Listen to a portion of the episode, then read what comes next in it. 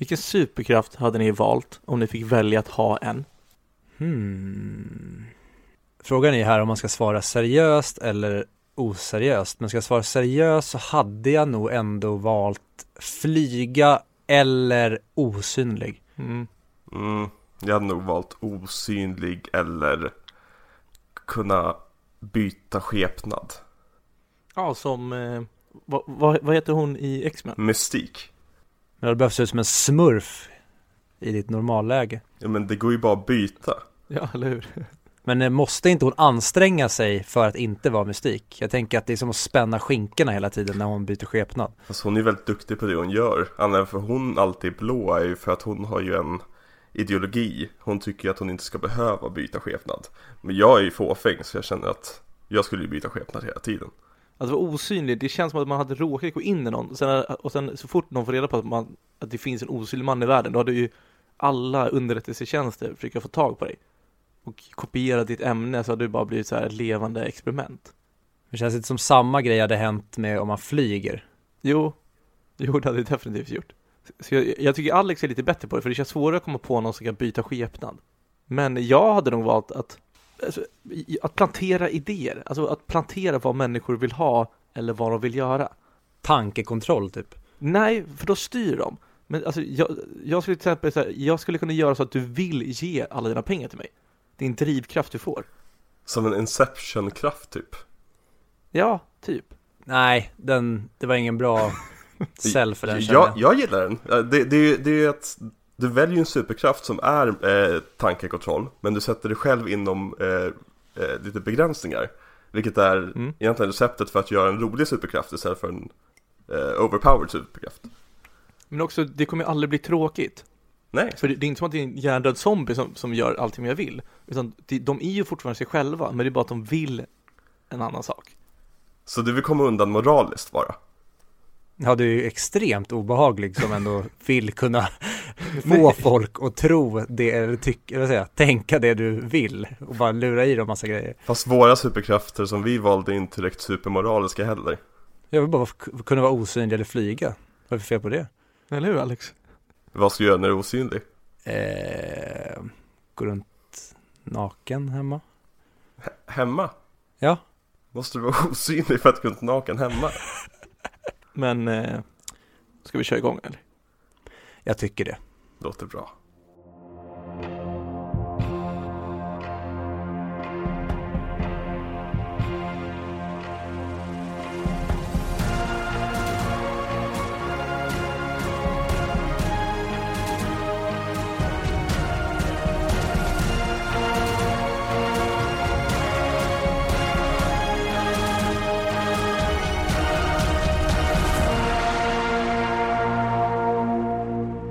Så, då säger vi hej och välkomna till 100 Mic Podcast, podcasten där vi pratar upp IMDBs topp 100-lista, men inte Charlie Chaplin.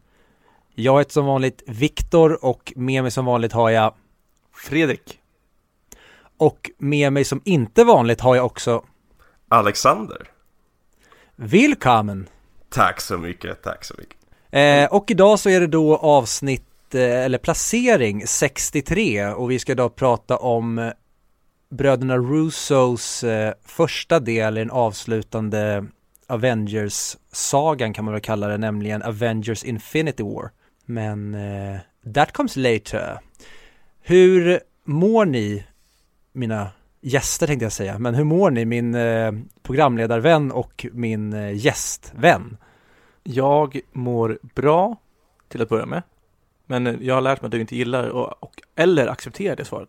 Så jag mår bra, men det är för jävla varmt. Det är den här Afrikavärmen som vi pratade om förra avsnittet kom. Och den kom perfekt i timing till när jag ska flytta.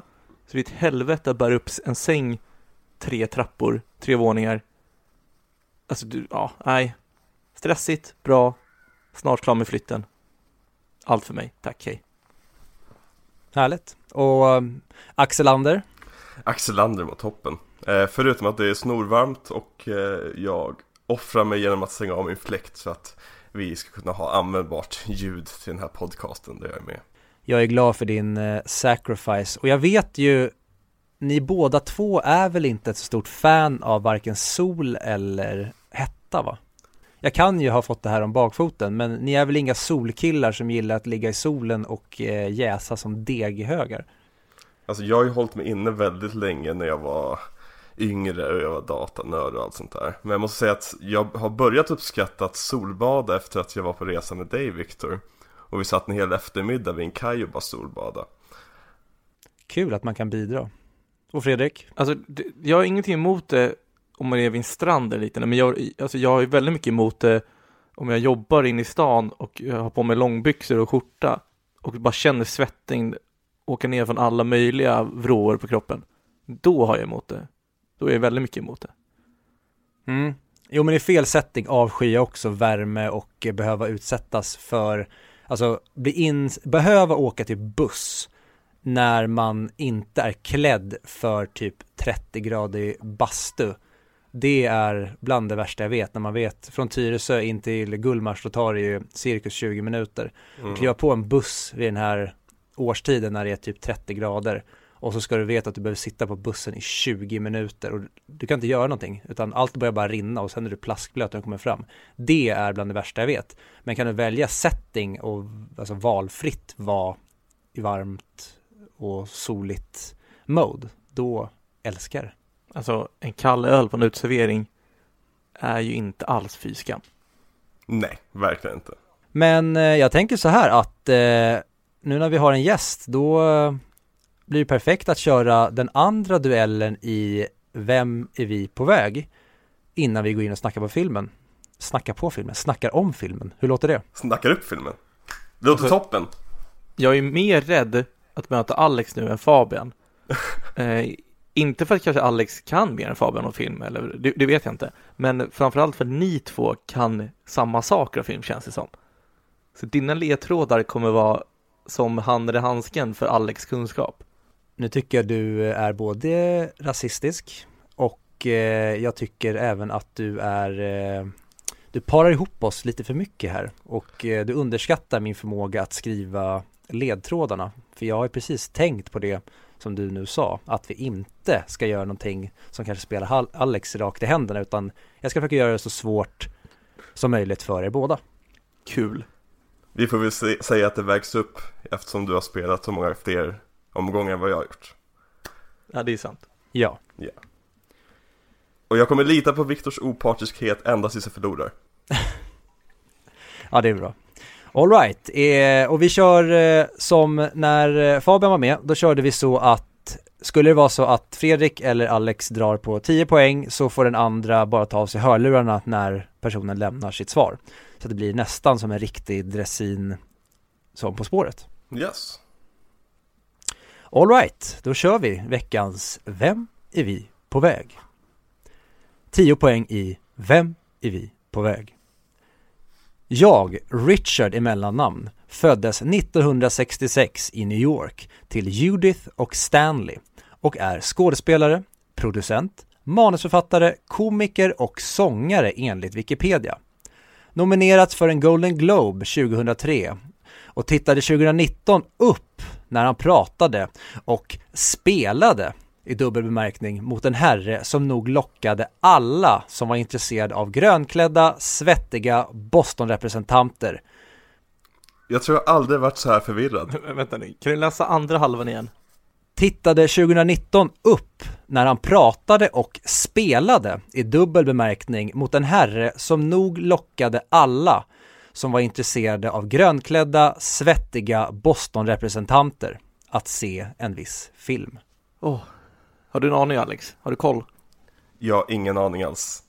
Jag var rädd för att skriva den här lite för tydlig så den är väldigt luddig. Som jag också uppfattade att ni uppfattade.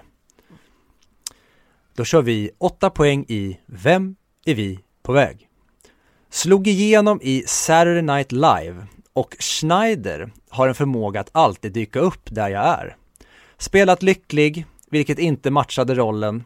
Men vad spelar det för roll när man får ta regi av Paul Thomas Anderson? Jag vet. Men jag tror också jag vet. Ja, men eh, då får ni köra en åt eh, gången då. Jag tar med hörlurarna. Eh, Viktor, håll upp handen när jag kan sätta på mig dem igen. Jag tror att det är, jag, jag, jag glömmer alltid bort att uttala hans namn. Men Alright. Då sätter jag upp handen så kan Alex komma in. Nej men tjena! Vänta, ja och Fredrik nu måste du ta av dig hörlurarna. Varför det? Ja, i och för sig, du kan ju inte gissa igen, men jag tänkte bara vore kul och in, att du inte vet när Okej, jag fortsätter läsa ifall det skulle vara så att du har fel. Och Mm. samma sak Okej. med Alex. Håll upp handen. Yes! Nej men jag är ju såklart allas favoritjuvelhandlare Alright, Fredrik, du kan komma tillbaka. Då kör vi eh, sex poäng i Vem är vi på väg? Bråkat med Jokern. Mera bär. Har glömt mig 50 gånger. Varit en stor pappa och friserat och haft sex med tanter. Men min starkaste roll är nog ändå som älskvärd familjefar som har lite för mycket kontroll när han spelar mot Christopher Walken. Ja! Det, det är så sjukt, för jag, i den här tänkte jag ta på 10 poäng. Alright. Jag ska säga varför sen, men kör. Fyra poäng i Vem är vi på väg? Mitt produktionsbolag Happy Madison är en sammansättning av två av mina mest kända roller.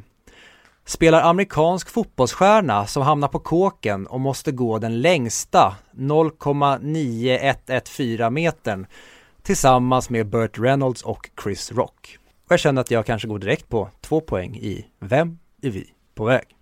Kör! Om du inte vet vem jag är nu så är jag förknippad med Grown-Ups, Happy Gilmore, Billy Madison, Click och annan skit du säkert sett när du legat bakfull en söndag. Och vi har Fredriks första förlust i Vem är vi på väg? The Duel. Vem gissar du på Fredrik? Alltså, du sa ju att han har spelat lycklig, så jag tänkte på Happy. Gilmore. Ja, det är såklart det är nu i efterhand, men jag tänkte ju på Happy och sen tänkte jag på att det är Avengers-tema, så jag, jag, jag, tänkte- jag tänkte, ja, det, det är säkert han. Du känner mig allt för oväl. Ja. All right. Gratulerar Alex till eh, en stabil åtta poängare i Vem är vi på väg? Tack så mycket! Rätt. Tack så mycket! Rätt svar var alltså Adam Sandler. Jajamän. Den kanske mest älskade mannen i hela Hollywood.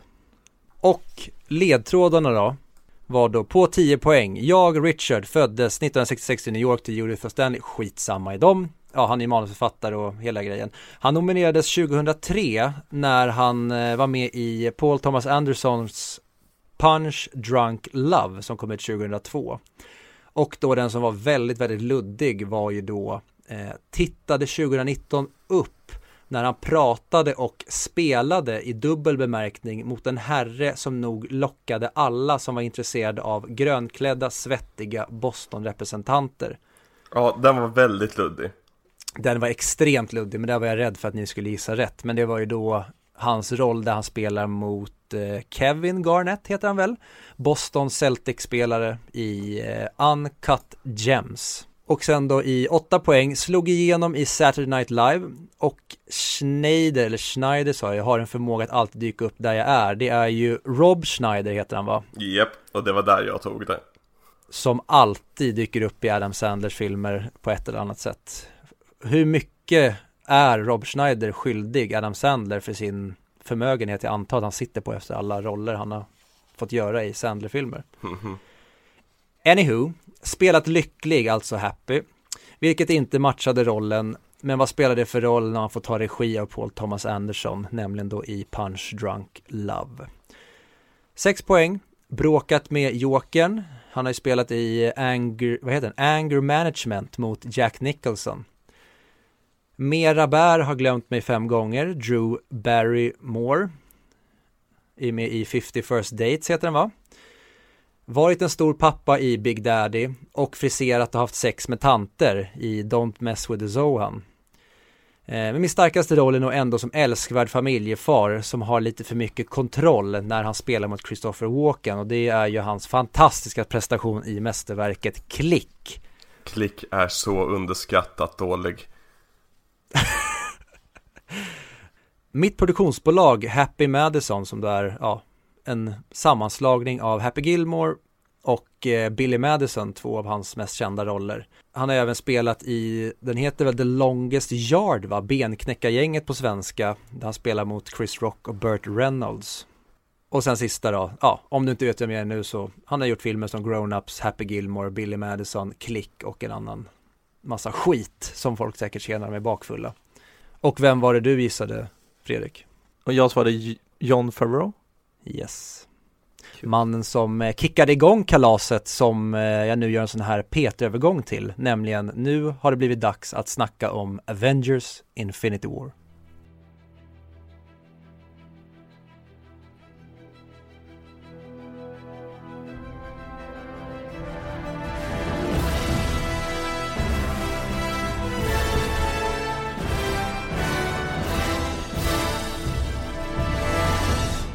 Ja, och då var vi framme vid veckans film, nämligen Avengers Infinity War som kom ut 2018. Det känns som att den kom för mycket längre sedan. Och är regisserad av eh, bröderna Russo, Anthony och Joe. Som eh, tidigare, visst hade de bara regisserat eh, Captain America Civil War innan? Eh, Eh, de har ju varit kända för att ha jobbat med community bland annat innan. Eh, Jag tänkte mer på, alltså i MCU. Jaha, ja precis. Nej, de hade ju gjort eh, Captain America Winter Soldier och sen Captain America Civil War.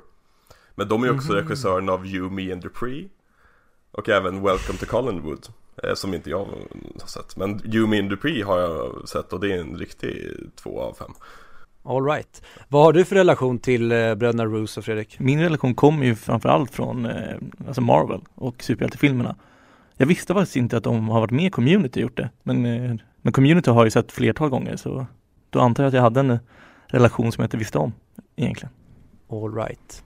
Eh, och eh, jag tänker väl direkt att eh, eftersom vi har med oss våran Marvel-nörd idag så låter jag dig Alex egentligen eh, dra igenom MCU-storyn. Det behöver inte vara jätte, en jätteutläggning utan egentligen försöka gå igång där det startade och sen landa vart vi är inför Avengers Infinity War. Självklart. MCU började ju 2008 med John Favreaus Iron Man.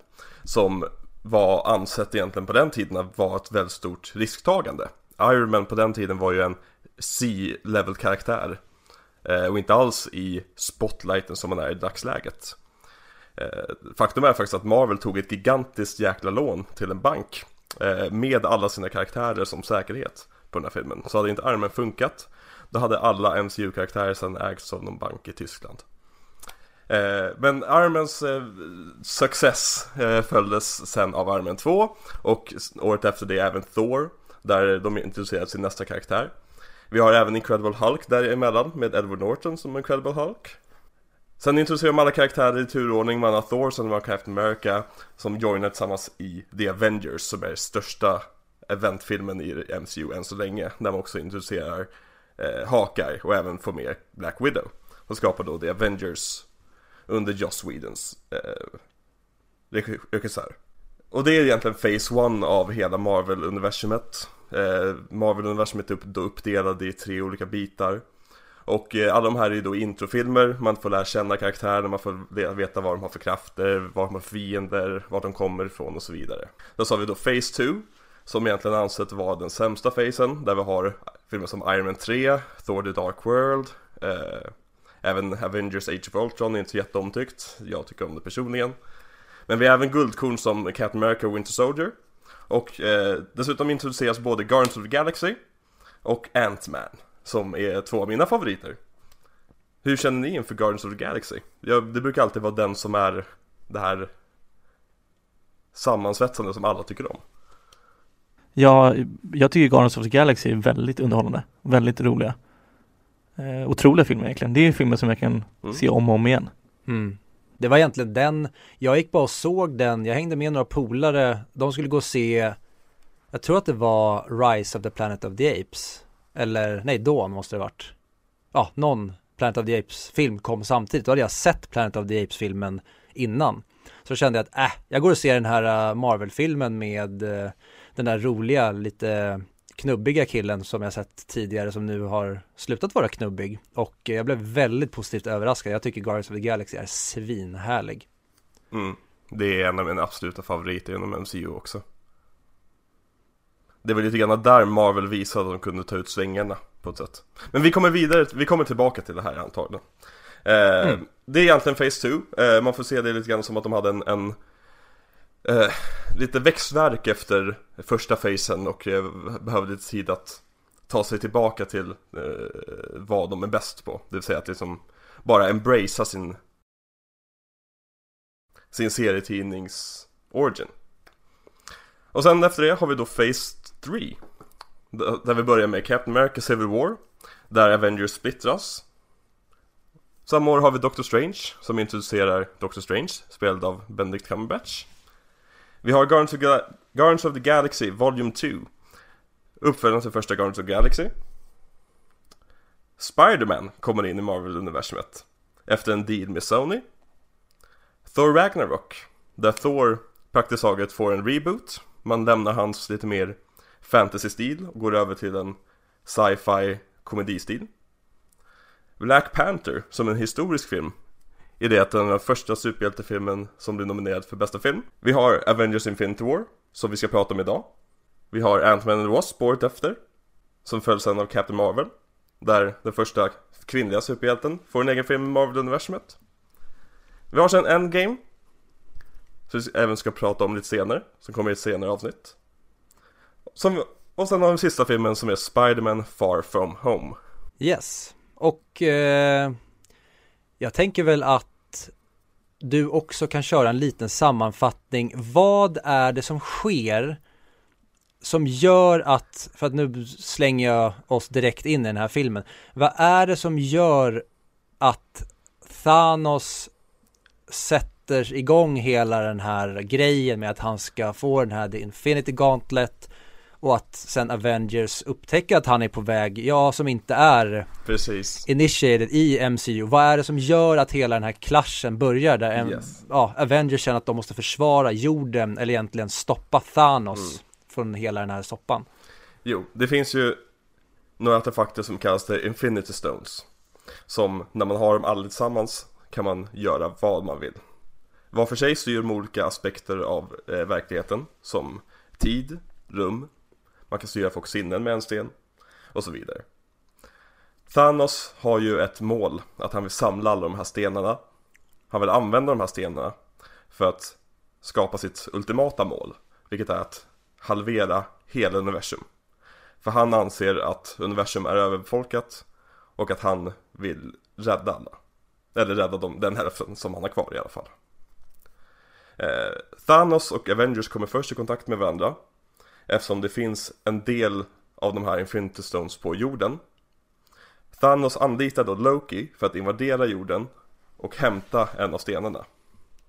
Detta gör så att Avengers bildas och man får se lite grann som att de tar över ansvaret som jordens beskyddare från utomjordiska skydd Eller eh, anfall. Sen eh, introduceras alla de andra scenerna eh, en efter en i de olika Marvel-filmerna. Och Thanos är med lite grann på sidan, lite grann som ett hot som hänger över allting Men det sista som händer innan Infinity War är att Thor och hela hans folk tillsammans med Loke och Heimdall Blir attackerade av ett stort skepp som tillhör Thanos Och nu är Thanos på väg Vad tyckte ni om filmen då, den här gången? Fredrik, om du börjar. Det var roligt tycker jag. Jag, kunde, jag märkte att jag själv satt och skrattade åt många av skämten. Jag tycker det fanns otroligt många coola, mäktiga scener. Eh, sen var det ju mycket sådana här, alltså tråkiga relationer och kärlekshistorier som inte jag tycker passar in på den här typen av filmen. Generellt sett så, så tyckte jag om den här gången när jag såg den. Vad tyckte du, Axel? Jag är ju väldigt positivt lagd till den här filmen eh, Även fast jag kan ha lite problem med eh, vissa humorbitar eh, eh, Om man ska vara rakt på sak att de drar ut på skämten väldigt mycket och det, det går lite för långt. Men överlag så, jag, jag, jag tycker väldigt mycket om den här filmen. Jag tycker att det är ett väldigt fint kärleksbrev till alla karaktärer. Eh, Och det sätter filmen i en rätt unik position när det kommer till filmer för att den här filmen bygger väldigt mycket på att du ska tycka om karaktärerna. Och det här är egentligen bara ett, en showcase i olika vignetter om de här karaktärerna där man får se dem göra, använda sina superkrafter, man får se dem vara witty och kul med varandra och interagera. Eh, så jag, den här filmen ligger mig väldigt varmt om hjärtat och jag anser det vara en av de absolut bästa Marvel-filmerna. Mm. Och eh, jag kan egentligen punkta upp de grejerna som jag har problem med, för jag är inte såld på Avengers Infinity War. Jag tycker att det är för mycket humor.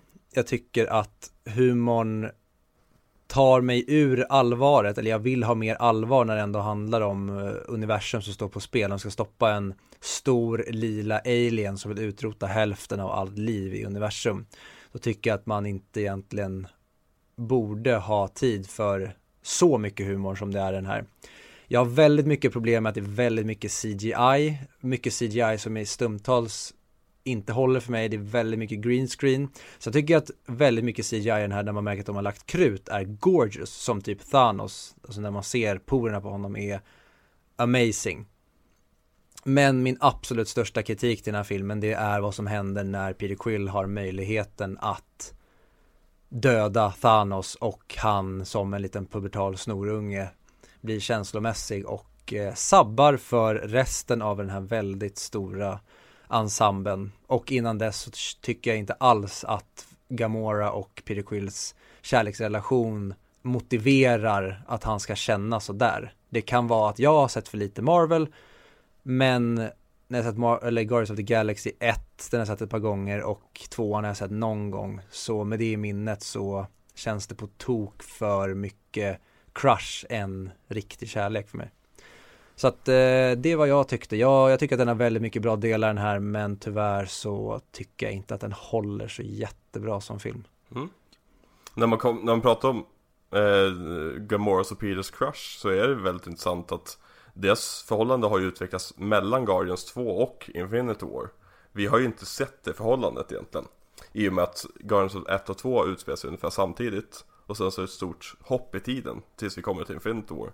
Så jag vet jag håller med dig lite grann där att vi hade gärna kunnat se kanske lite mer eller kanske lite mer utvecklande deras förhållande. För då skulle inte Fredrik bli glad för han vill ha mindre förhållande saker. Eh, det stämmer.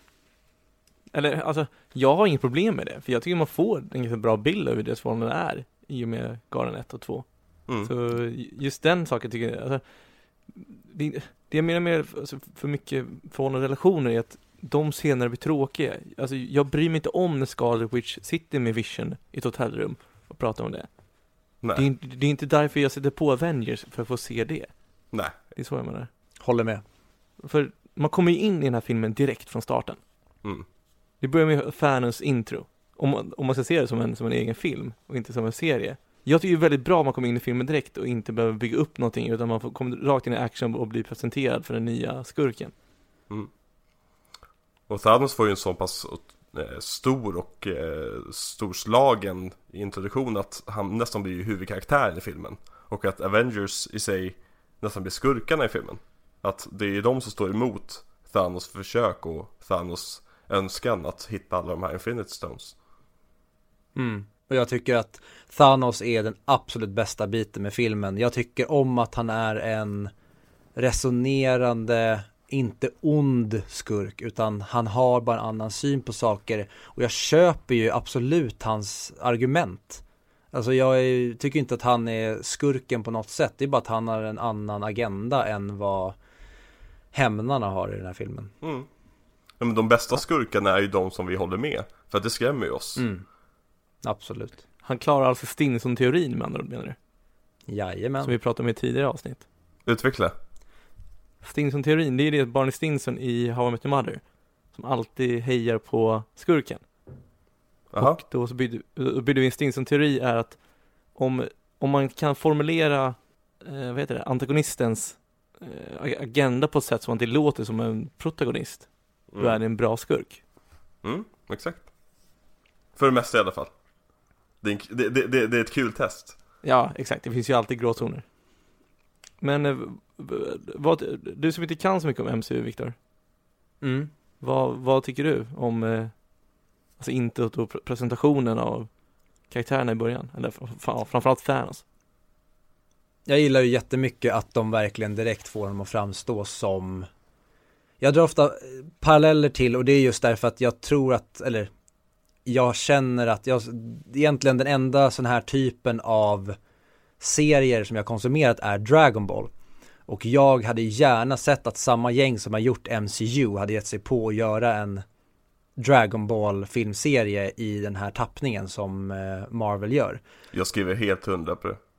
och jag känner verkligen att de gör en riktig dragball introduktion på eh, Thanos. Han känns verkligen övermäktig de här. Det känns som att de kommer behöva ha tur för att besegra honom när de krossar ja, men Loke, Thor och Hulk direkt och visar hans eh, mäktighet och sen också bara hur han designad, hur mycket krut de har lagt på att få honom att se helt fotorealistisk ut för han är gorgeous.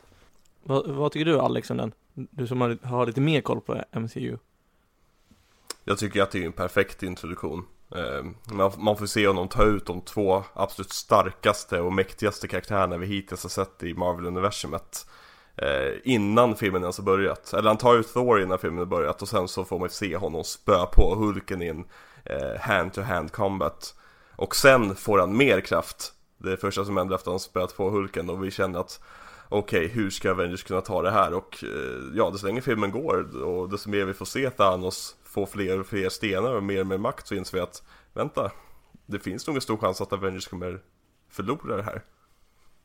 Så jag tycker att det introt är en perfekt setup för resten av filmen och att den lite grann stämplar filmen som sagt som, som Thanos. Den här filmen skulle nästan kunna heta Thanos bara. Ja, men den, den fighten mellan Thanos och Hulken, alltså det, det är ju, den är så otroligt snyggt animerad. Ja men man ser ju alltså att han kan, alltså Hulken är ju bara stark. Man, man ser att Thanos också kan slåss. Han är snabb, smidig och bara han slår så här som Mike Tyson-krokarna. Alltså Exakt. det är styrka, det är tyngd bakom varje slag. Det är snyggt. Ja, det är riktigt fet fight. Och det är liksom bara början av filmen. Men båda ni två nämnde att ni inte gillar humorn. Jag är lite tvärt emot. Jag tycker mm. humorn funkar jättebra. Framförallt du Victor som pratar om att hela universum står på spel. Och jag tycker inte att, att jag går inte in med det allvar för man vet att Avengers, de kommer rädda det allting. Det kommer lösa sig. Så det, jag ser mer som att det är en rolig och underhållande film. Medan det känns som du kliver in att du vill ha det här och fuck, kommer hon klara det? Ja, eller det är ju det som filmen presenterar för oss. Och ska de leva efter den premissen att den här personen hotar att radera ut halva universum, då tycker jag också att man får spela ut efter det. Och jag har egentligen inget problem med att det skämtas i filmen. Jag har mest problem med att det skämtas när det är väldigt, väldigt skarpt läge ofta. Och det tycker jag de även haft problem med i de tidigare, typ Avengers 1. Att de står lite på, på gatan och pratar med varandra så bara, ska du eller jag ta honom? Hehe, alltså det, det blir lite som att de inte tar det på riktigt allvar. Jag gillar verkligen i den här filmen när de är rädda. När typ Doctor Strange och Tony Stark pratar om vad är chanserna? Hur många olika eh, framtider eh, vinner vi. När man blir så allvarlig och de verkligen man ser att de är vettskrämda för Thanos, då älskar jag det. Men sen så kommer ett skämt som, ja men drar du det, det första skämtet, ja men sure, kör en one-liner. Men sen så drar du skämtet flera varv och det blir nästan som att de bollar bollen fram och tillbaka. Vem kan vara roligast? Det blir nästan Saturday Night Live-sketcher och jag är så jävla allergisk mot sånt. Och det tycker jag sabbar jättemycket av filmen tyvärr. Och jag är någonstans däremellan att jag tycker att filmen är väldigt bra på att vara allvarlig. Eh, och jag tycker att filmen nog försöker vara allvarlig. Men att skämten inte riktigt tar mig ur det. Jag, jag tycker inte att skämten det, det, det är det jag gillar minst med filmen, men det förstör inte filmen på något sätt egentligen för mig. Ja men undrar om jag tänker, för det finns ju otroligt många chanser att funka, till exempel när de hittar Tor. Och, eh, och Drax säger så här, No, you're a guy, this is a, nej, you're a dude, this is a man och håller på att spela på det. det... Exakt, det, det är nog det roligaste med filmen. Ja men det är ju svinkul och det, och det förstör inte allvaret. Ja. Men det är ju för att där bygger man humorn på karaktärerna och på, även på skådespelarna. Vi har ju Chris Pratt mm. som egentligen är bäst när han måste bevisa sig själv. När han ska vara en smart person i rummet så då blir han bara platt och tråkig. Men när han ska vara en person som ingen tror på, som, som han vill bara bli kallad Starlord och han ska mäta sig mot den här guden som är eh, Chris Hemsworth Då blir det ju humor bara av det Och så matar de det djuret lite grann Så därför funkar det så jättebra Men sen har vi ju liksom vanliga one-liners som att Wong vill ha en eh, tuna melt Och det är inget skämt, det är bara statement Men vilka, alltså har ni något exempel på något skämt som verkligen förstör snarare än förbättrar? Ja men som det jag drog nu, att eh, de pratar om hur mycket pengar de har och att de ska gå och köpa mat. Och att det är egentligen, det, det är upplagt med laugh nästan. Och det är väl något skämt där de, alltså skämtar om att typ de har blivit glassar. Ja, det är samma Och scen. de står och typ skämtar om vem som är deras favoritsmak. Och det är så här, sluta! Det, det för mig, men jag är också, alltså jag avskyr Saturday Night Live. Jag tycker den humorn är typ det mest, det största skräpet som vi har i modern tid. Den liksom går arm i arm med den här jävla woke-kulturen, men du ska inte gå in på det. Men jag tycker det är bara så här, det är för, det är så enkel och billig och tråkig humor. Det finns liksom inget fyndigt i det, och som Alex säger. Jag älskar humorn med Thor och Starlord och den grejen när de pratar om att Thor är en man. Starlord, du är en fjant. Då tycker jag det är skitkul för det är karaktärerna och det pratade även Fabian om när han gästade Sunset Boulevard-grejen. Att när humor kommer ur karaktär så är det som bäst. Man skriver inte som han också förklarade att vi i Sverige oftast gör. Vi skriver roliga situationer. Vi skriver inte karaktärer som är roliga och så blir karaktär, då karaktärerna är sig själva och därför blir de roliga. Och det tycker jag verkligen att de gör mycket i den här filmen.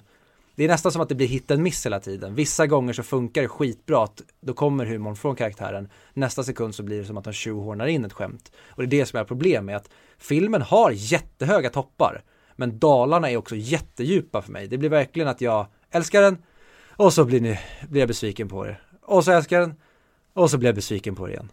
Mm, det kan ju vara att, att det är de skämten som jag kommer tillbaka, alltså, som jag tänker på, det var de jag skrattar åt. Men också det här när, han pratar med, eh, vad heter han, Rocket. Mm. Ja, Rocket, när, när. Thor Men där, återigen, det är också ett skämt som är byggt rent ur karaktär Att, att den här Ja, exakt. som ska vara, den här guden ska vara, eh, han har depression men han vet inte om den för att han har ju aldrig varit med om att det känns jobbigt förut Nej men, eh, alltså det här är inte för, för motbevisa er. Jag håller med er om att, eh, alltså den här humorn För det, visst är det med han munken som han står och jämför pengarna? Ja, Ja exakt, ja, men det Exakt. håller jag med om. Alltså, det, men det, det där var en scen som bara jag lät gå och inte la någon värdering i Ja. typ. Men däremot, det är så jag jobbar också ja men och det med, med Rockets och det när han pratar såhär You're the captain right? Det. Håller på, alltså he- hela den eh, bantern som de har på skeppet där är ju hur kul som helst. Jag tycker det är jättebra. Däremot så tycker jag att, och det ska jag också komma in på, jag tycker inte att, eh, jag springer bara förbi det nu, jag tycker inte att, eh, vad heter, så spelar Bruce Banner, Mark Ruffalo, jag tycker inte att han funkar som eh, Bruce Banner i den här filmen. Jag tycker att han spelar jättemärkligt och det tycker jag är Ja. samma sak med eh, Chris Prutt, att han är han är för stor i den här filmen. Hans skådespel är för överdrivet. Han är lite det som jag pratade om, som jag skrev i eh, den artikeln förut på Moviesin, det här att de har tagit Peter Quill, som är så jäkla bra i Guardians. Mm. Sen har de vridit upp honom varje film känns det som, så att här är han liksom Peter Quill på schack. Man kan inte låta Peter Quill vara rolig och liksom den nivån som vi gjorde att vi började älska honom, utan nu tar man honom och vrider upp honom för att mm. mer av det roliga, det är ju alltid roligt, verkar det som att man tror. Och det klarar inte jag av. Men där tycker jag också nästan som att jag tycker att det är en nivåskillnad på eh, Chris Hemsworth och eh, Chris Pratt. Att det känns som att det är två olika nivåer av skådespelare. Ja. Alltså Chris Pratt känns som att han, som jag sa, är med i en SNL-sketch.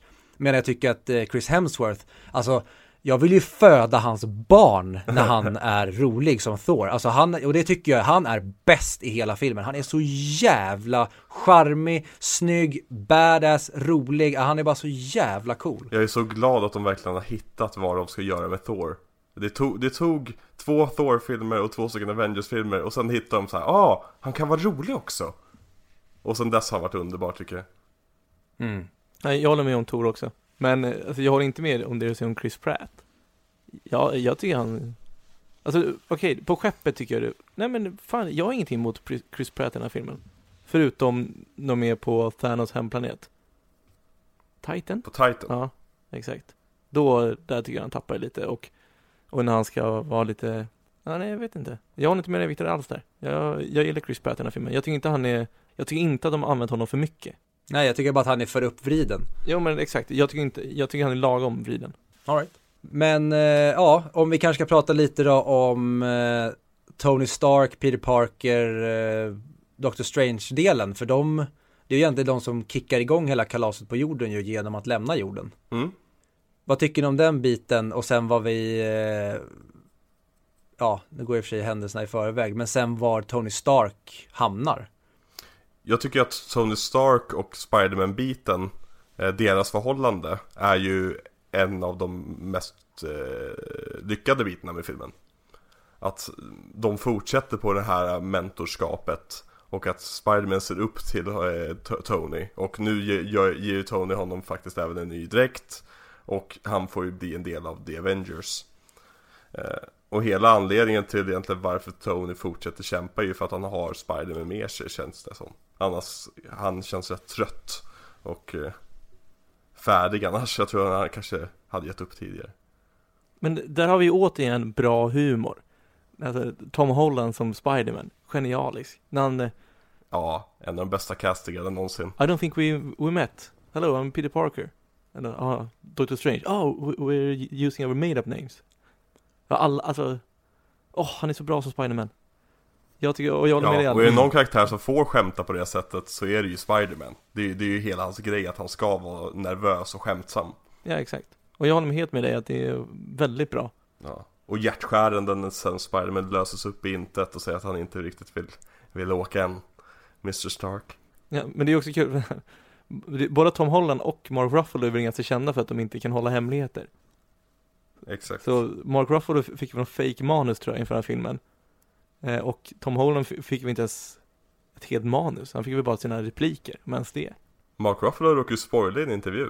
Han råkade säga eh, att eh, de frågar, eh, intervjuaren frågar om eh, är det någon som kommer dö i nästa film? För att sagt, han har ett rykte om att inte kunna hålla hemligheter. Ja. Då säger han, ja hälften. eh, och de tar ju det som ett skämt, såklart. Ja.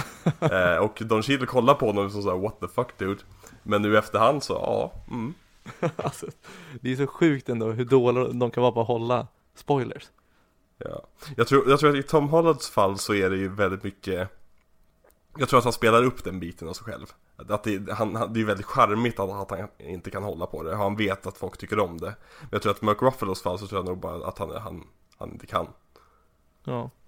Alltså Mark Ruffalo, jag förlorar mer och mer respekt för honom för varje dag som går. För jag tycker bara att Han motbevisar allting jag tidigare tyckt om honom Typ i Foxcatcher där han är briljant och han har ju varit väldigt bra nu länge tycker jag Men han börjar bara sjunka mer och mer i mina ögon. En sån här grej får ju mig att bara säga men come on dude för helvete. Mm. Jag tycker det är ett smidigt, enkelt sätt hur de eh, vinner kampen där mot Thanos magikille som jag inte kommer ihåg vad han heter. Ebony Ja. Bara springer hål i skeppet, så flyger han ut. Enkelt simpelt. Exakt. Det, det, det, är så skönt att se någon sån enkel lösning i film och inte behöva se jätteavancerad slagsmål. Mm. Exakt. Det är han trollkarlen. Ja. ja, precis. Ja, för övrigt som jag tycker är väldigt, väldigt ball som en Thanos henchman. Oh. Men precis lika coolt designad och häftig karaktären han är. Så usel tycker de har gjort eh, den här importerade inklippta World of Warcraft karaktären som spelas av Carrie Coon. Proxima Midnight. Ja, hon såg ut som en, eh, en all jävla night elf från World of Warcraft. Eh, håller du med Viktor om att det, att det är dålig CGI och sånt? Alex? Jag vet inte om jag, dålig CGI håller jag inte med om. Dock har ju Marvel ett problem med eh, head replacements. I vissa scener i den här filmen så är det ju bara, det enda som är på riktigt som vi ser är ju Tom Hardys, nej, oj, Tom Hollands huvud och eh, Robert Downey Juniors huvud som bara snurrar runt för deras dräkter är gjorda av, eh, i datorn och deras bakgrunder är gjorda i datorn. Eh, och det kan bli väldigt mycket att så fort, så fort det är 100% CGI tycker jag att den är briljant. Jag tycker att den är görsnygg. När det är som Thanos i bild eller om det är en stor eh, stridssekvens. Men jag tycker att det är lite mycket wobbly heads i Marvel-filmer överlag. Men som sagt, jag ser förbi det. Jag, det. det. är inget problem för mig. Det, det, jag tar det nästan som en, som en grej som ska vara med i Marvel-filmer nu för tiden. Och alltså, jag, jag har ju inte problem, jag säger inte att allt är dålig CGI. Jag säger att det är för mycket dålig CGI för mig och det menar jag just det som Alex säger. Att jag tycker att ansiktena när det är typ ta Mark Ruffalo i eh, Iron Man Hulk-dräkten. Det är för dåligt inklippt för mig och jag tycker när det är green screen ofta så blir det för tydligt green screen att det står alla de här skådespelarna framför en grön duk. Men som Alex säger, när det är 100% CGI och det är väldigt mycket CGI också som funkar med karaktärerna när de är i olika animerade miljöer. Men jag tycker att det är, som jag säger precis som humorn, det är för mycket hit and miss. Jag märker för tydligt, men det är kanske också för att jag letar på den för att jag inte är helt såld på den. Men jag tycker att man ser var de har lagt krutet, alltså då och då på vilka shots. Och det är tyvärr så man får ta när det är en helt, pretty much, alltså det mesta i filmen är liksom CGI, då är det så det får bli. Men jag kan tyvärr inte se bort från det, men det är också för att jag är helt såld på praktiska effekter. Och då är inte det här min typ av film. Mm, jag håller inte med det heller. Alltså, jag tycker, eller ja, jag håller med till viss del, men jag tycker ni, för vad du Viktor, är lite för hård mot CGI. Jag tycker inte att alls den var så dålig. Eller så bristfällig i vissa sekvenser. Alltså, jag antar hur, det, det beror lite på hur man kommer in i det, egentligen. Det däremot, eh, när vi ändå var, inne på hans eh, fyra, vad kallas det? Commanders, ledare. Alltså fem. Mm. Eh, Children. Ja, Children, just det. Children of Fairness. Och generellt eh, en stor kritik mot hela Avengers tycker jag. Om och det är att det finns ingen, eh, det är så svårt att greppa vem som är starkast. Alltså the power levels. Det är väldigt svårt att veta. Mm. För samtidigt kan, alltså Scarlett Johansson, nej, vad fan heter hon? Black Widow kan liksom köra lite sin bra, brasiliansk jiu-jitsu på Thanos, samtidigt som Thor har svårt att brottas med Thanos. Det är ju för att alla ska få sin grej så att säga. Om vi Jag tror att i, i verkliga livet om vi säger så Skulle nog varken Hawkeye eller eh, Black Widow kunna platsa i Avengers Men det, men, men det är samma sak, hur starka är Thanos Children? Alltså, är de, är de lika starka som en Avenger? Eller vilken Avenger? Eh, eller är de starka än de? Det, jag har svårt att greppa den. Jag tror att de, är- de är starka på o- olika sätt egentligen. Om man tar en karaktär som eh, Corvus Glaive Som är den här karaktären som jagar Vision och eh, Scarlet Witch Så ha, han är ju egentligen så, som, som varelse betraktad så är ju han bara en vanlig varelse. Och när han blir stucken i midjan till exempel av Black Widow så blir han ju stucken i midjan. Men han har ju sitt, eh, sin stav med sig som han till exempel kan skjuta någon laser eller energi ifrån Vilket gör att han tar sig upp på powerscalen så att han kan slåss mot Vision Men han kan fortfarande bli tagen av Black Widow. Och väldigt många karaktärer har ju sådana saker. De har ju svagheter och styrkor. I det att om de har ett vapen, ja men då är det oftast vapnet som är starkt och inte de karaktärerna själva. Men ja, alltså power levels eh, det, I serietidningarna är ju en väldigt lång tradition att alla kan förlora mot alla, alla kan vinna mot alla beroende på vem som skriver serietidningen just då. Ja men det, det är för att, eh, alltså, om vi tar dig Victor som inte hade de koll på MCU. Fick du någon grepp om vem som var starkast eller vem som kunde göra vad? Alltså det är en grej som jag inte fokuserar så mycket på utan jag, jag försöker egentligen jag, jag vill ju ha en, en bra film som ska lägga upp för egentligen Endgame och jag minns inte om jag visste, jag tror att jag visste att det skulle komma en film efter den här. Men filmen har tappat mig, alltså när typ runt, jag tror det är när, ja men när Peter Quill failar med att döda Thanos. Och sen så efter så tycker jag att när de bara är nere i eh, Wakanda Där är det bara Disposable Army Fight. Och det är bara massa människor som vevar och slår mot varandra. Och jag har tyvärr tappat det känslomässiga utan som ni pratade om förut. Jag hade önskat att de kunde väva in relationen Tony Stark, Peter Parker ännu mer där jag kunde känna så som jag gjorde för typ Peter Quill och Gamora men där är jag liksom tappade känslomässigt och sen är det bara CGI-bonanza för mig och jag, tyvärr så är inte det min kopp te. Och då blir det att när den här, som förmodligen för er, känslomässiga, alltså punchen kommer när hälften av alla raderas ut. För mig blir det då verkligen att, äh, men jag vet att de kommer lösa det i, i nästa film. Eller att det, det här är inte slutet, för så här slutar det inte.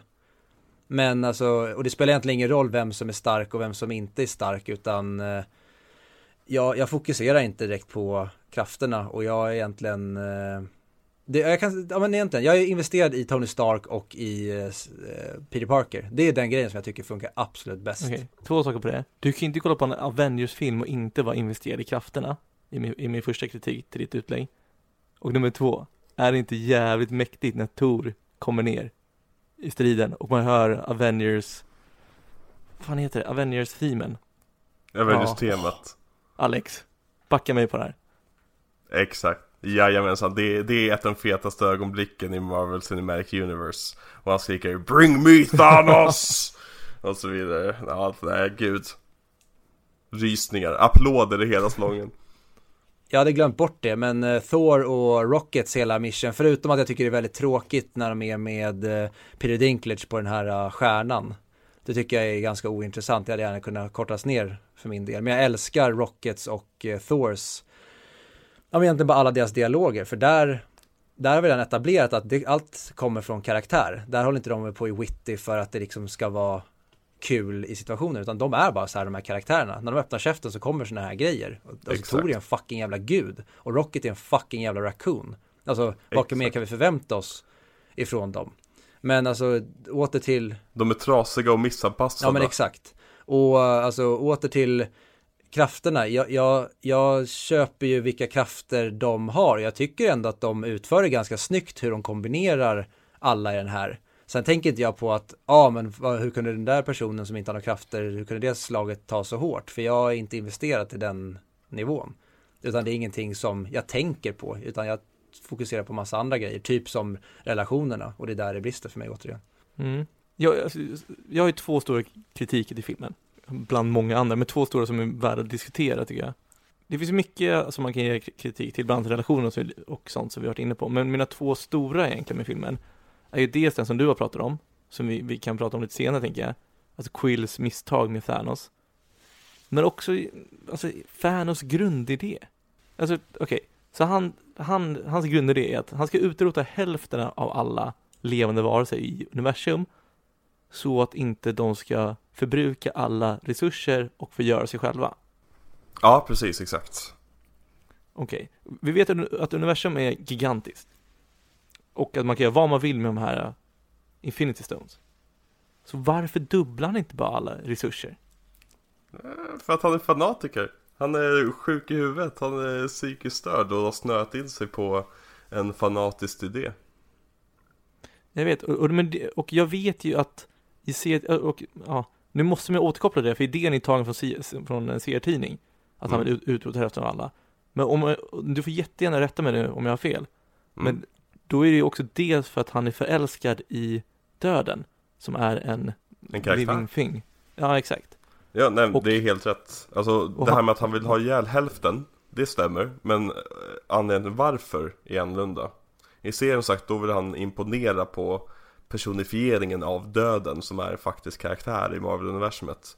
Och genom att döda hälften av alla i universum så får han en uppmärksamhet. Eh, så det är inte ett altruistiskt mål som han har som i filmen. Eh, så det är väl antagligen därifrån lite logikluckan kommer. Jag, jag köper att du gjorde ändringen för det har varit väldigt komplicerat om det var att han ville imponera på döden. Ja, jag tror inte de... riktigt världen är redo för det än. Även fast Marvel har introducerat väldigt många roliga karaktärer så är inte världen redo för döden som karaktär. De, jag hade velat att de kunde slänga in en um, brasklapp på något sätt och säga att, att det går inte att fördubbla av någon anledning. Eller att han säger att de kommer med den kritiken till honom så, så han kan förklara sig själv. Mm.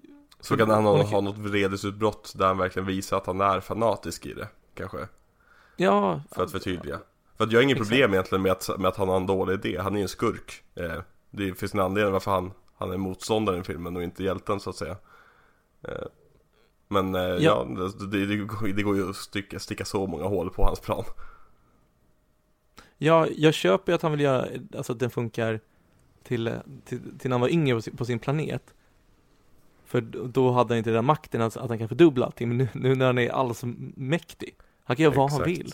Jag tror, att, jag tror att vi kollar på det lite grann för fel håll. Varför vi tänker så här, men om du hade haft handsken, vad hade du då gjort? Jag tror att han mm. börjar i tanken, jag vill döda hälften på min planet. Och sen så, jag vill döda hälften av universum, hur fan ska jag göra det? Ja, hur ska jag göra det? Okej, handsken, perfekt. Och då är han redan inne på den idén. Snarare än tanken att okej, här är en handske, ska jag göra vad som helst. Hur gör vi det bäst som möjligt med den? Du förstår vad jag menar? Mm. Att det som finns, att om man kommer därifrån så är det väldigt lätt att stanna där också. Eh, men det, känns som att de hade behövt visa det ännu tydligare. Jo, men sen så är det en två och en halv timme lång film redan. Man kanske inte ska förlänga den extra.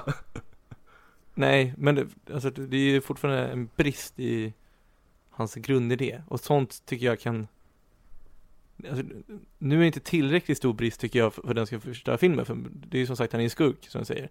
Men generellt sett i filmer så tycker jag att om, om själva premissen bakom filmen har sina bristfälliga saker så kan det förstöra hela filmen oavsett om filmen är bra gjord eller inte. Men det är ju samtidigt, det, det är ju inte filmen som är så dum, utan det är ju Thanos som är så dum. Och då, det får man ju, måste man ändå köpa att han har brister. Han, han har ju inte liksom tänkt, och som Alex säger, han tänker från ett annat håll. Och då kan man ju inte egentligen klaga på det, utan får man ju bara kritisera att Thanos, du är ju retard. Jag tycker inte filmen påverkas av det. Det är som i Star Wars, alltså inget, ingen gruppering skulle ju kunna, kunna hålla kontroll över så pass många planeter som Imperiet vill. Men vi accepterar att det är, Imperiet har koll på det här, de vill göra det. Ja, jag tycker inte det, det, det att det är Nej, samma inte, sak inte riktigt samma, men det, jag menar som att det som, all, all, om man drar tillräckligt, om man drar tråden tillräckligt långt kan man nog unravela de flesta filmerna som man Varför flyger de inte med örnarna till Mount Doom? Ja, men precis, exakt. För att då hade inte haft en film. Ja, men jag tycker inte att det gott gör alltså, den dåliga premissen i så fall, eller br- bristfälliga premissen bakom filmen. Men alltså din förklaring var ju mycket bättre om man såg det på det sättet, för så har inte jag tänkt det.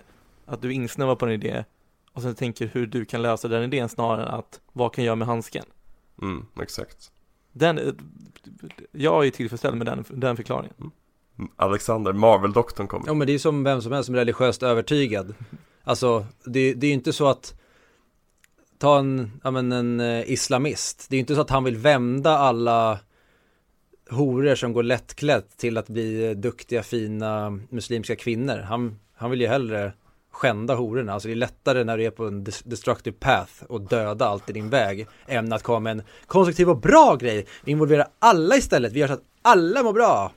Ja, men jag menar bara att han, han är ju liksom, han, han är ju inte ute efter att We are family. Han vill ju inte liksom skapa en värld där alla ska må bra och hänga med honom, utan han är ju ute efter den idén att de som inte lever enligt min tro, nu utrotar vi hälften av dem.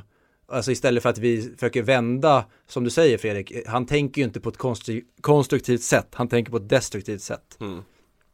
Jag hade köpt det du sa eh, om, om att eh, de, den dåliga idén kan invalidera filmen bättre om det hade varit hjältarna som hade haft den dåliga idén. Men just eftersom det är en skurk och liksom, världen kommer gå under oavsett om han har rätt eller inte.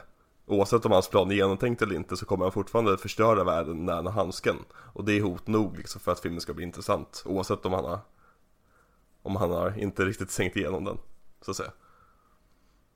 Ja, men det känns bara som att han, att han är ogenomtänkt. Eller att han inte har tänkt igenom sin idé när, han, när det är exakt det han har. Mm. Det passar inte in i karaktären hur han presenterar sig själv. Mm. Men då, kan- då kan det bara vara att de inte nämner det. Men han har Ja. tänkt på den idén också, att det inte funkar av någon annan anledning. Eller sagt att han är en fanatiker. Ja. Jag, tycker, jag skriver jättegärna under på att han är fanatiker. Det stämmer bra överens med vad jag säga honom. Ja, alltså jag har ing, inget problem med det. Jag tycker bara att det är en, han är en skurk och skurkans plan är inte alltid bulletproof. Men eh, däremot så kan man ju säga dets- detsamma om planen på planeten Titan. Vad tycker du om det Viktor, när de är några sekunder från att vinna mot Thanos och rädda världen? Och Peter Quill tappar. Ja, nej, det är bedrövligt. Fast det är ju en del av planen. Så att säga. Av, av Dr. Strange plan i alla fall. Det måste ju hända exakt så. Och det är samma sak där. Ja, alltså jag tycker det, det sabbar för mycket av filmen när han blir en så pubertal fjant. Men jag tycker också att Peter Quill har varit lite en pubertal fjant i den här filmen, uppvriden. Mm. Men det är så här, du får inte göra sådär. Alltså det, jag tycker det är för, det är för ogenomtänkt och för lökig lösning. Men jag hade kanske kunnat köpa den mer om jag hade haft ett starkare band, alltså känt att Peter Quill var mer, de var verkligen superförälskade i varandra, Gamora och han. Men jag tycker bara hur de utförde att så här, okej nu gör vi planen, vi löser det, damn, det är bara finish it nu Peter Quill. Och så gör han så där. Ja, exakt, det är just det att han, det är så nära, det vore skillnad om man bröt ihop innan, alltså innan de var precis vid mållinjen. Tycker jag. Men nu, nu, alltså nu, han ser ju bandet som, som han ska springa igenom, han är ju bara några steg ifrån. Och då bara, nej men förresten, vad sa du där på andra sidan? Så skiten i det. Mm. Då tycker jag hellre, då låter, tycker jag att någon annan får fälla honom, inte att han fäller sig själv som en jävla fjant. Exakt. Nej men, och ju- just det, som du sa Alex, att Doctor Strange hade planerat ut allting ju. Mm. Eh, vad tycker ni om den idén, att göra en film, alltså på det sättet, att det allt, för jag tycker det tappar värde på något sätt, att man vet att det här var det enda sättet, så på något sätt måste just det här ha hänt och det där var planen hela tiden. Jag tycker det är ett jättehäftigt koncept. Det är typ min favorit sci-fi trope. Att så här predestination och eh, att eh, liksom, om, om man ser framtiden, han får inte berätta framtiden för dem, han får inte säga vad som kommer hända för då kommer det inte hända. Det finns bara ett sätt det kommer hända på och det är att förlora, så att säga. Eh, jag tycker det är ett väldigt elegant sätt att lösa hela den här eh, som egentligen skulle kunna bara ut, utröna i att typ de besegrar Thanos eller att de lyckas ta en gem ifrån honom och sen så handlar nästa film om att de eh, samma sak en gång till. Det, det gör så att det blir väldigt bra setup för nästa film som får då handla väldigt mycket om att förlora. Innan vi vinner igen då. Så. Men, och man har ju safeguardet då, att man kan alltid säga att de var tvungna att göra på det här sättet. Ja, precis, exakt. På så sätt skriver de inte in sig i några hörn ju. Mm. Och egentligen så här, alltså jag, jag tycker inte att det här är en bedrövlig film. Jag har väldigt kul med den här filmen. Även fast jag nog skulle jag, ja, nej, jag, jag får låta det vara osagt. Men jag tycker ju att, alltså jag utgår ju i min kritik nu när vi sitter och pratar, jag utgår ju från att den ligger på placering 63 på IMDBs topp 100-lista. Och det är det som gör mig eh, bara så här, what? Alltså det känns ju, det måste ju vara bara en liksom fanbase som vill rösta upp den till skyarna. För jag tycker ju att det är helt sjukt. Det är lika sjukt som att Tarzan Par eller eh, eh, Dangal finns med på den här listan. Så Mm. tycker jag att det är sjukt att den här filmen är med på topp 100. Det är inte lika sjukt. Ja, för jag tycker det här, det här är liksom, okej, inte helt hjärndöd, men det är en, det är pure jävla popcornrulle. Och jag tycker inte att den har någonting egentligen som gör att den förtjänar att vara på den här listan. Vi kommer komma till det i Endgame, men hade man kanske slagit ihop det till en stor fyra och en halv timmes epic, ja men kanske då. Men just den här delen tycker jag att nej, den eh, har inte här att göra någonstans. Nej, men jag ser det lite grann som att jag ser jättegärna Marvel som koncept representerat på listan. För det är ett jävla eh, eh, achievement som de har gjort. Filmachievement, det är en av de mest häftiga och eh, mest turbulenta filmhistorierna i världshistorien egentligen. Alltså hela Marvel-universumet. Eh, men just Infinity War som film betraktat, nej, jag tycker inte riktigt den hör hemma på listan över världens bästa filmer någonsin. Kanske, i mitt fall, på typ plats 97, så att säga. Men ska vi försöka gå in på, på vart på eh, mick den eh, hamnar då? Eller, Mm.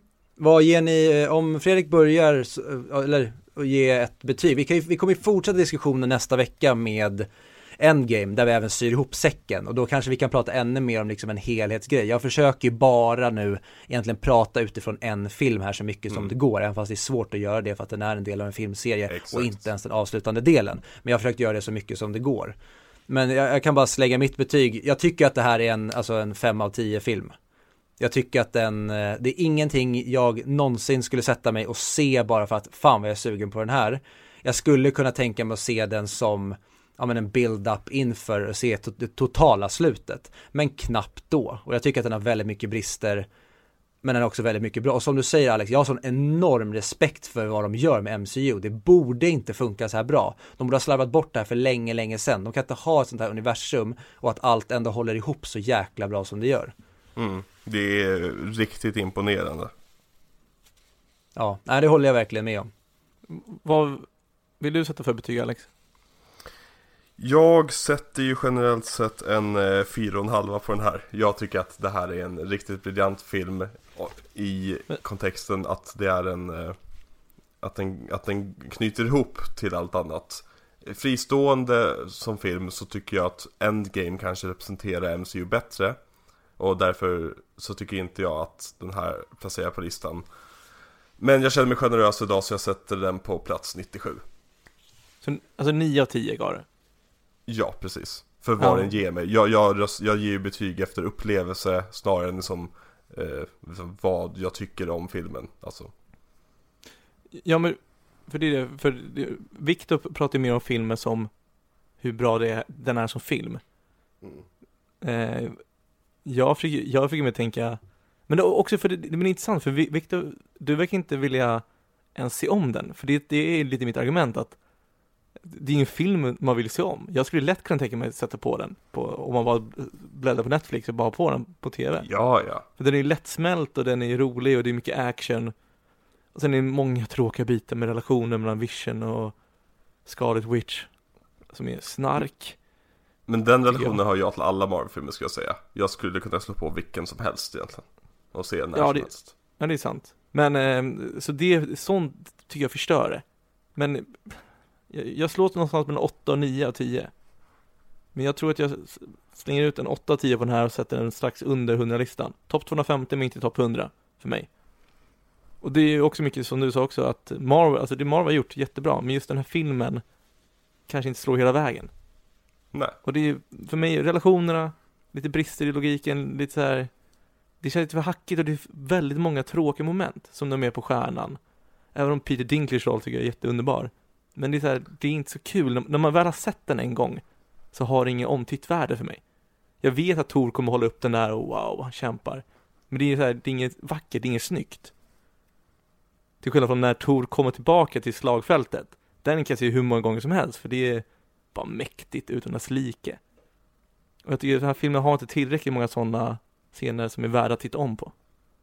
Mm. Nej men det är det, det, är det jag, jag håller med dig helt och hållet i det där att den har jättemånga nice grejer. Men tyvärr så är det för mycket skit i den för mig. Den har för mycket fett att, nej, det är inte värt att käka de goda bitarna för att jag kommer få tu- tugga i mig den här äckliga fettdelen eller för mycket fettdel. Och då kollar jag hellre de scenerna jag gillar eller de bitarna på YouTube. Men att investera två och en halv timme på det här, det är liksom no way Jose. Mm. Mm. Men, jag Så jag håller med dig. men jag tycker ändå att, alltså, att CGI och allting det här Alltså bortsett från, jag håller med att ibland flyter huvudet lite men det gör inte för mig. Men generellt sett så tycker jag att den är så pass bra och välgjord. Och så många bra skådespelare, allting. Så att den får en åtta av mig. Mm. Det är kul. Det här är nog första gången du och jag är rätt överens om en film. Jag tror det. Ja. Men med det sagt. Eh, tack Alex för att du var med i det här avsnittet. Vi lär ju Ja. se dig nästa vecka också. Jajamensan. Tack så mycket för att jag fick vara med. Det är alltid kul att prata om Marvel-filmer eller film överlag med. Och eh, följ oss som vanligt. Eller sådär kan jag inte bara säga. Ja, kul Alex med det. Tack så mycket. Bara hoppa över, skiter i vad du sa liksom. Eh, följ oss som vanligt på Gmail. Ah, Okej, jag huvudet. Åh herregud. Följ oss som vanligt på Facebook, Instagram, Twitter, 100mic eller 100mic podcast. Jag vet fortfarande inte vad vi heter på vad. Vet du det Viktor, utan till? Jag tror att vi heter 100 mic podcast på alla ställen nu. Åh, snyggt. Eh, maila oss på 100micpodcast.gmail.com om ni vill någonting. Mm. Eh, för övrigt, det var en kille som skrev till oss som eh, går under eh, Instagramnamnet Don Ritz. Eh, som eh, han gillar inte våra försnack. Han vill ju spola fram direkt när vi pratar om filmen. Och jag tror inte han, han har sett att i beskrivningen på varje avsnitt så skriver vi ju vilka tidpunkter vi pratar om de olika segmenten. Så om ni vill hoppa fram till någonting eller vill hoppa över någonting så läs i beskrivningen så vet ni exakt vilken minut och sekund som ni kan hoppa till. Ja, men då kanske ni missar massa gott. Och det är som, alltså bara för att du gillar vissa delar av Avengers Infinity War, då hoppar du inte över vissa delar utan du måste ju sätta dig i hela filmen, precis som med våra avsnitt. Vem Exakt. kollar på YouTube på efter coola scener liksom? Ja, och om du hoppar över Scarlet Witch och Vision-scenerna så kommer du missa skylten i bakgrund, bakgrunden där det står We will deep fry your kebab. Och alla måste ju se den skylten, annars har man inte levt ett komplett liv. Mycket sant. Och den klassiska, man kan inte uppleva lycka utan sorg. Man kan inte uppleva kul utan tristess. Spänning kanske är bättre Nej. Vackra ord, vackra ord. Mm. Men eh, med det sagt, ja, precis som vi sa förra veckan, ni kan se nästa veckas film Avengers Endgame på precis samma ställe som ni såg Avengers Infinity War. Och jag hoppas att ni lydde Fredriks väldigt hårda och direktiva ord när han sa åt er att göra en double feature och se filmerna back to back. Så att eh, vi tycker väl egentligen bara på paus och sen är vi tillbaka nästa vecka igen. Och då ska vi avsluta Marvels Phase 3 var det va? Jajamensan, och är Infinity Jajamän. Saga i helhet. Mm. Så ciao for now. Ciao, ciao. We're in the end game now.